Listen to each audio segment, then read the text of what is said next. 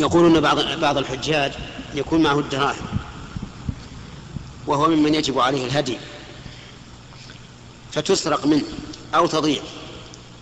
فهل له أن يقترض من أحد من يعرفه؟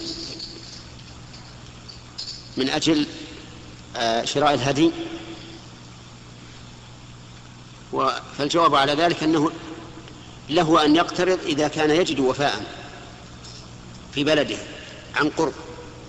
أما إذا كان معسرا ولا يرجو الوفاء عن قرب فلا يقترض بل يصوم ثلاثة أيام في الحج وسبع إذا رجع. طيب أكثر الحجاج. وأما وجوب الاقتراض فلا يجب. الاقتراض لا يجب لكن هل يجوز أو لا؟ فيه التفصيل الذي سمعت. نعم.